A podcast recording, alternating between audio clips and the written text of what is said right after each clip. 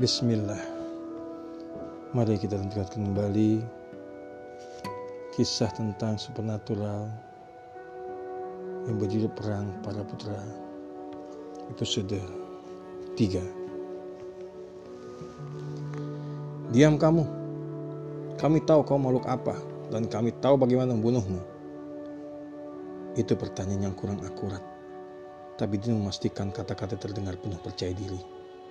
Dia tidak akan membiarkan orang sinting ini membuat mereka kehilangan kata-kata. Pasti orang sinting, pikir Din. Cuma orang sinting yang mengenal kami. Sandiwaranya terbongkar oleh batu kesam yang tertahan. Din menatapnya garang. Diam kamu.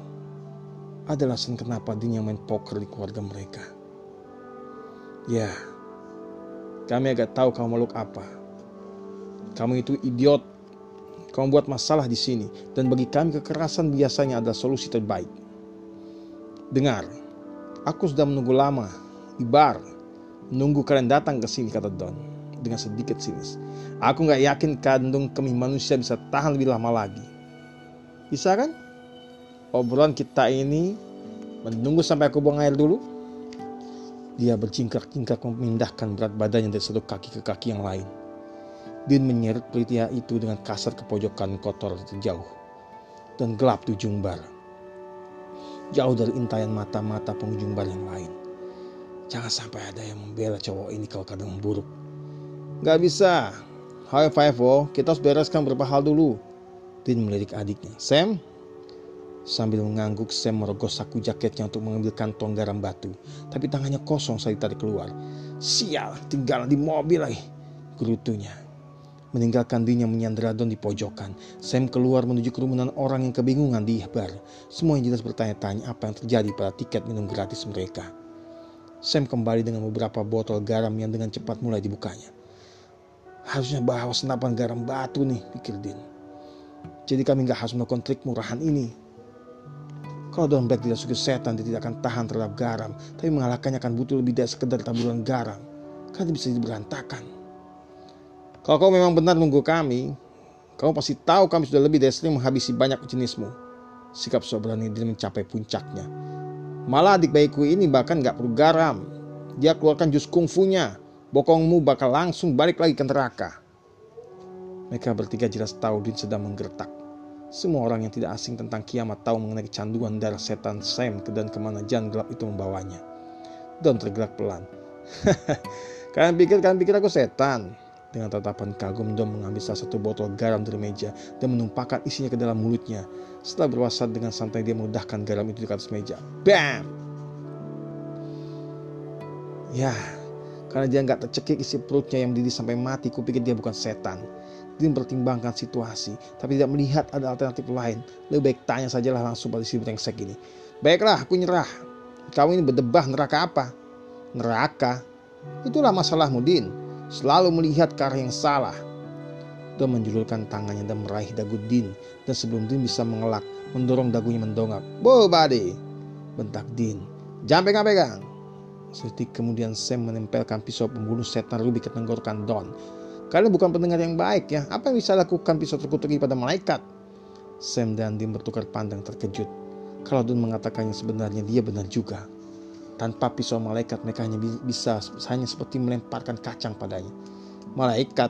Tanya Sam. Pelan-pelan menjauhkan pisau dari leher Don.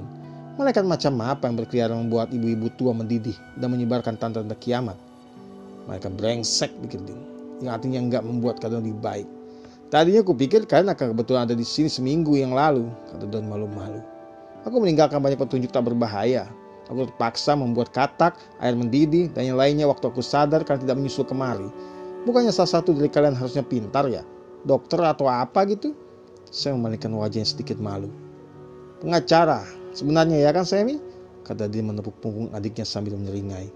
Don tampak susah payah menahan tawa. Tubuh Lucifer di bumi seorang pengacara. Seberapa sempurna itu? Aku keluar dari sekolah hukum, selesai tajam. Dan aku bukan tubuh siapa-siapa.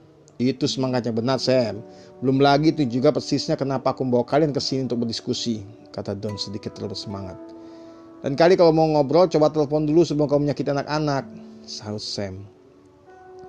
Tidak ada yang terluka, cuma katak yang banyak banget dan agak susah menghubungi kalian berdua gara-gara jimat yang diukir di tulang rusuk kalian itu. Yang termaksud adalah simbol Enochian, sebuah pola rumit kuno terpatri di malaikat Kestil di tulang rusuk Sam dan Din sebagai perlindungan terhadap kedua kubu yang pertarungkan kiamat, para malaikat dan setan. Tanpa simbol itu Michael dan Lucifer akan menangkap mereka lebih cepat dari Din menyambar burger bacon keju.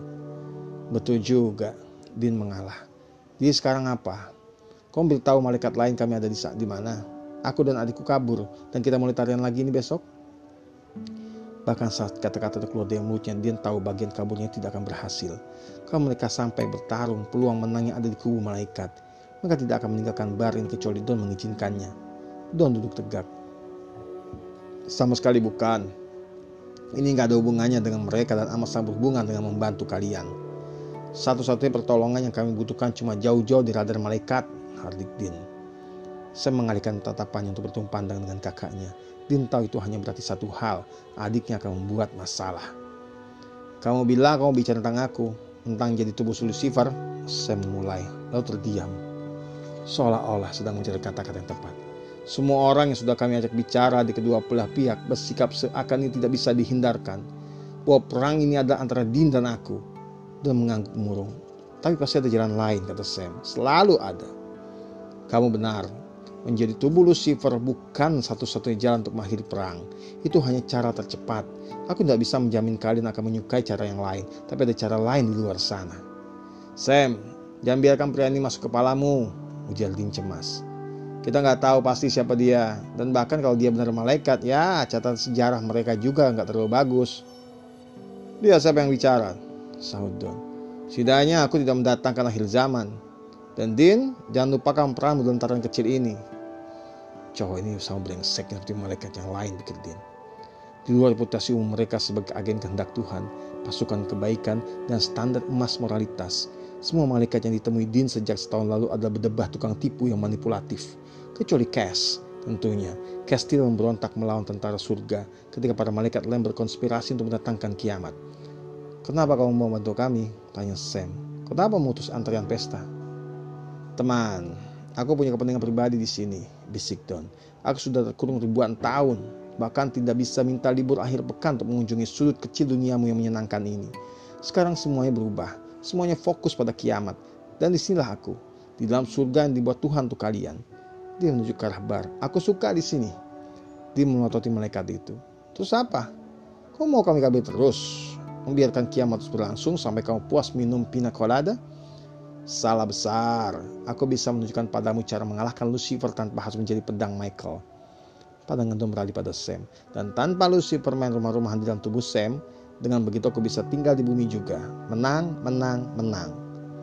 Dia melakukan jam, melihat jakun Sam bergerak naik turun saat adiknya menelan ludah dengan susah payah. Dia bisa melihat roda berputar dalam otak adiknya, mencoba memperhitungkan kemungkinan yang ada.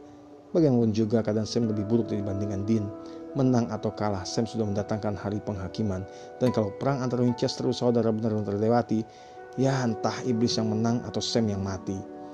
Kami butuh lebih dari itu, kata Dean. Kami nggak punya alasan untuk percaya semua omong kosong ini. Kalau begitu, biar aku tunjukkan pada kalian gambaran penuhnya, kata Don.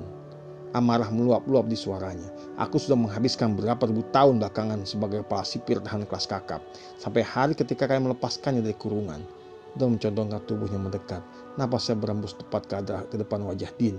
Din mengernyit cowok ini harusnya jangan makan onion ring nih. Aku terjebak neraka, lanjut Don. Menjaga gerbang seperti tentara yang baik sementara kamu minum darah setan dan mengkhianati rasmu. Aku harus menyaksikan jiwa-jiwa menjerit tanpa henti saat iblis dan teman-temannya menyiksa mereka. Dan mengatakannya sambil menetap Din penuh arti. Din merasakan darahnya mendidih.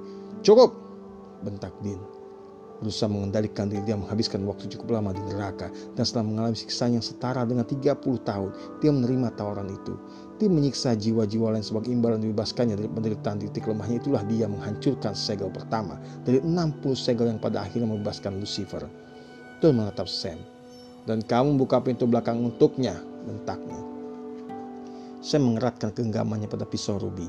Bila pisaunya menusuk meja kayu, menyebabkan cungkilan dalam di permukaannya. Aku menderita untuk pekerjaanku, untuk penciptaku. Tapi karena sekarang Lucifer sudah bebas, tidak ada siapa-siapa lagi yang harus kujaga. Akan dipanggil kemari dan apa yang ku dapati? Tuhan sudah pergi, hilang dalam tugas. Itu nggak benar, dia sempelan. Matanya tertuju pada pisau rubi. Imannya selalu lebih besar dibanding Din, tapi iman itu diuji dengan hebatnya akhir ini. Malaikat Agung Rafael mengklaim Tuhan sudah pergi, tapi bagaimana mereka benar-benar tahu? Bagaimana siapa pun, bahkan para malaikat sekalipun yakin akan hal itu? Kalau Tuhan tidak mau tidak mau ditemukan, dia tidak akan ditemukan. Itu tidak menghentikan Cash untuk mencarinya, laki-laki atau perempuan, pikir Dan, segala penjulu pelan terkutuk ini. Dengan sepanjang waktu dihabiskan di neraka, kamu jadi mendengar banyak hal, lanjut Don. Tidak menghiraukan Sam yang terdiam. Banyak hal yang betul-betul mengerikan, tapi kadang-kadang juga sebuah rahasia, sesuatu tidak diinginkan Lucifer untuk didengar. Petunjuk kecil tentang bagaimana dia bisa dikalahkan yang didapat dari tahun-tahun penuh penderitaanku. Itu gak mungkin benar, sahut Den Parau. Kalau enggak, kamu pasti sudah beritahu geng malaikat lain dan kita nggak akan bicarakan hal ini. Kamu gak ngerti, Hardington. Kamu pikir setelah semua terlaksana, Michael hanya akan membunuh Lucifer begitu saja? Ya, kata Sam murah. Muram. Bagi Sam itulah dilema terbesarnya. Kalau begitu, kamu nggak tahu cara kerja otak Michael. Dia akan mengalahkan Lucifer dan lalu mempermalukannya. Dia akan menciptakan level baru penyiksaan yang bakal lebih buruk dibandingkan neraka dan memasukkan Lucifer untuk berkubang di dalamnya. Dan kalian pikir siapa yang akan dihias untuk menjaganya?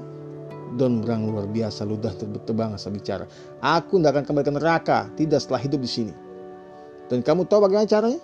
Membunuh Lucifer dengan tuntas? Menyingkir kebutuhan akan sebuah neraka? Ya. Don mendadak berubah tenang. Yang entah bagaimana terasa lebih menyeramkan dibandingkan kemarahannya.